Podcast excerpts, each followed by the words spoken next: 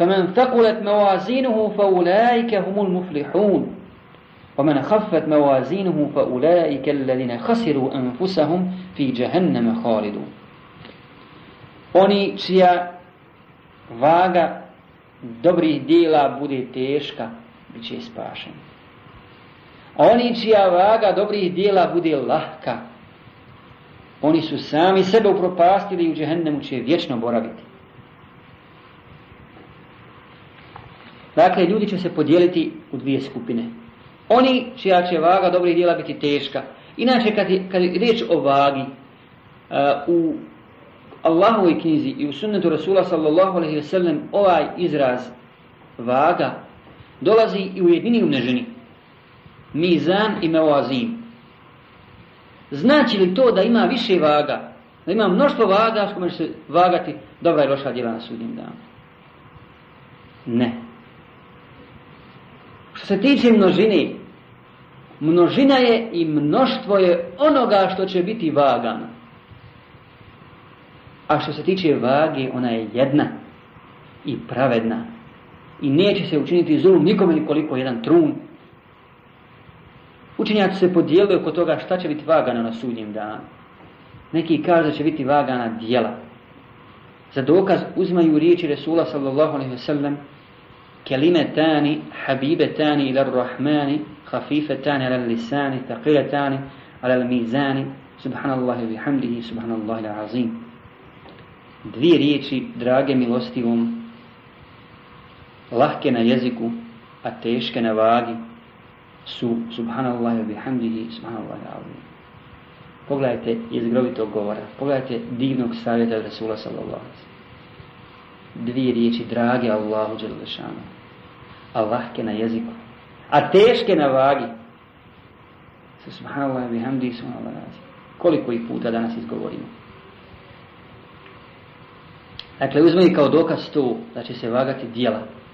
I drugi dokaz iz Kur'ana, فَمَنْ يَعْمَلْ مِتْقَالَ ذَرَّةٍ خَيْرًا يَرَ وَمَنْ يَعْمَلْ مِتْقَالَ ذَرَّةٍ شَرًا يَرَ Ko uradi trun, dobra vidjet će ga. I ko uradi trun zla, vidjet će ga. Oni koji kažu da će biti vagani suhufi dijela, odnosno listovi knjiga dijela, uzme za dokaz hadis kojeg bilježi Tirmizi i kaže da je Hasan Garib. Hadis nosi naziv Sahibul Bitaka. Doći će čovjek na sudnji dan, pa će mu se dati mnoštvo tih papira, mnoštvo suhufa, listova, i kad ih vidi neće naći ni jedno dobro djelo u njima. Vidjet će da je se upropastio da, da ga čeka kazna. Pa će mu reći Allah Đelešanuhu, ima jedno dobro tvoje djelo koje si uradio za svog života. Zapisano na jednom papiru i da će mu se taj papir. Jedan put si iskreno u životu rekao la ilaha illallah iz srca. Rekao si la ilaha illa Allah. Pa stavte, uzmi taj papir, stavite na tas vagi dobrih dijela taj papir, a na tas vagi loših dijela ostale papire. Pa šta prevagne? Dakle, to je njegova nada. Jedan put iskreno rekao la ilaha illa Allah. Pa će prevagnuti tas na kome je papir sa dijelom, iskrenim dijelom la ilaha illa Allah. Ovi uzimaju kao dokaz ovo da će se vagati knjiga, odnosno suhupi dijela. Neka ulema kaže će se vagati sam čovjek. Sam čovjek će biti postavljen na tas vagi. Pa kaže, uzme za dokaz slučaj Mes'uda, rad, ibn Mes'uda radijallahu ta'ala an.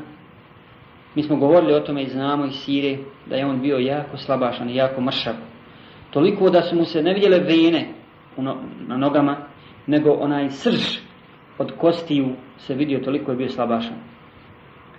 Pa je se jedan, jednog dana popeo na stablo erakovog drveta i zapuhao je vjetar i zamal ga nije oborio sa drveta.